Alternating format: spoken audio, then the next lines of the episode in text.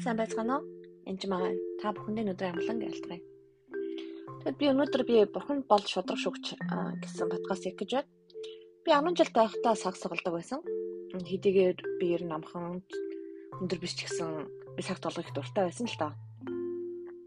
Тэгээ сагсан бамбуу тоглоход ер нь ялваа тоглоомыг тоглоход дүрэн байдаг. Хэрвээ та талбайн гадна талын зураасан дээр гიშгвэл адил айлын талд бөмбөгөө алтна. Шүгэл тас хийгээд л дугна Хэрв та хин нэг нэг буруу түлхэх юм уу? Бөмбөг цохих гээд гарын зөгчгөл тургуул авна. Магадгүй бүр айл тургуулж эдэлж ийж магадгүй. Энэ бас багийн тоглолт. Бас хамгаалалтаа, довтлогоотой. Тэгээ хэрэг тэмцээн байх юм бол тэн дээр шүүгч байдаг.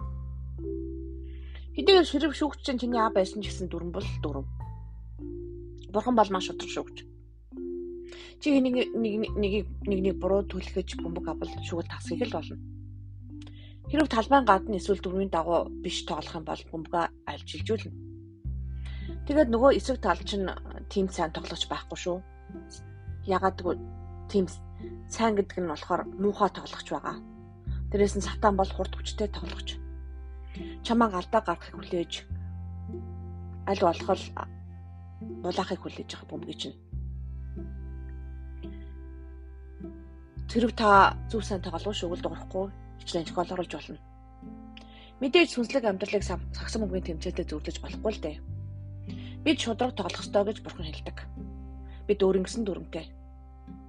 Гим нүгэл үлдэх үед хурдан гимшиж урагшилдаг. Харин нөгөө тал дүрм байхгүй.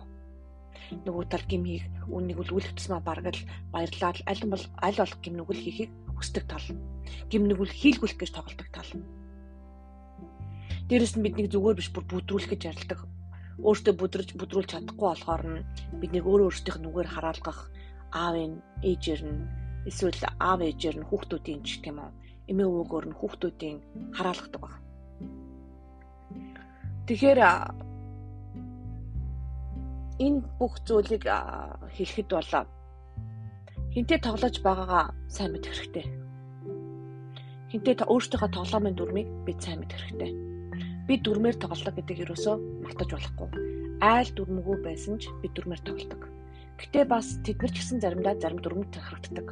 Жишээлбэл Иесус Христийн нэр захирагддаг. Иесус нэртэй нэр бүхийгэд бүхийдэг. Тэд бас бурхан тэднээс хүчтэй гэдгийг мэддэг. Тэнийг сул дорой гэж үнэлж болохгүй өрсөлдөгч чинь. Харин бурхан биднэрт тэднүү түүнээс илүү их мэдл хүчийг өгсөн л гэсэн үг. Тэд хүчгүй гэсэн үг биш харин бид бидэнд тэднээс илүү хүч байдаг гэсэн үг. Гэхдээ энэ тоглоомыг тоглох яг сагсан бөмбөг тоглохтой адил багаар тоглох хэрэгтэй, зөв тоглох хэрэгтэй, дүрмээ мэдэх ёстой гэсэн үг.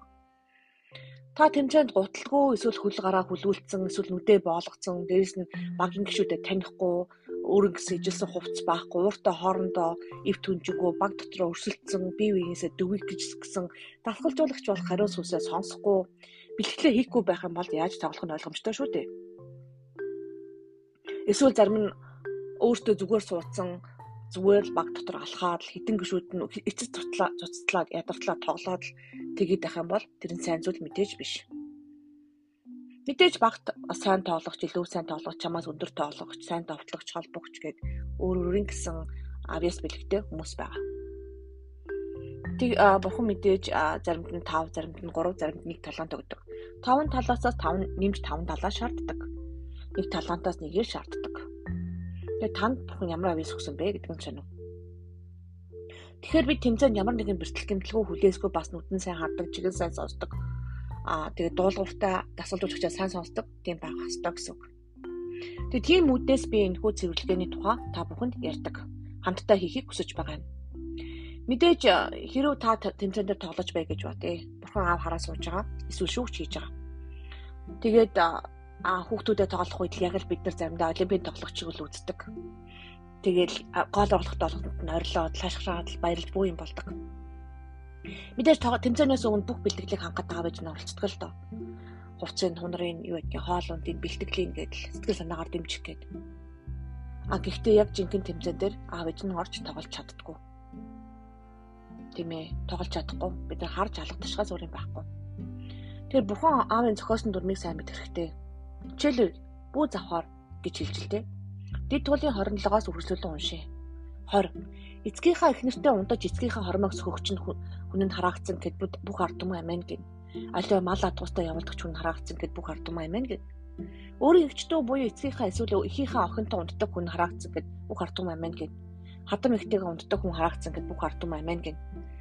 Тэгэхээр энэ бүх зүйлийг хийжсэн ч юм уу танаа удам хийжсэн байх юм бол торгуултаа л гэсэн үг. Тэгээ тэр торгуулд орохгүй, тэр торгуулаас гарахын тулд яадаг бэ гэхээр бид чин сэтгэлээсээ уучлалтгүй гэмших хэрэгтэй гэсэн үг. Бурхан бурхан танд үнэхэр хайртай таныг яллаад байхыг юусоо ч хүсдэггүй. Тэгээд мөн бас ингээд ялаасаа тэмцэндээ ялаасаа гэж хүсдэг. Мөнгө амийг аван түүнтэй хамт мөнгөд амьдраасаа гэж сэтгэлээсээ хүсдэг шүү. Бурхан танд маш их хайртай. Тэгэхээр Бурхны зохиосон дүрэн бол энгийн бүү завхаар. Өнөөдрийн хичээл тийм байлаа. Баярлалаа. Баяр та.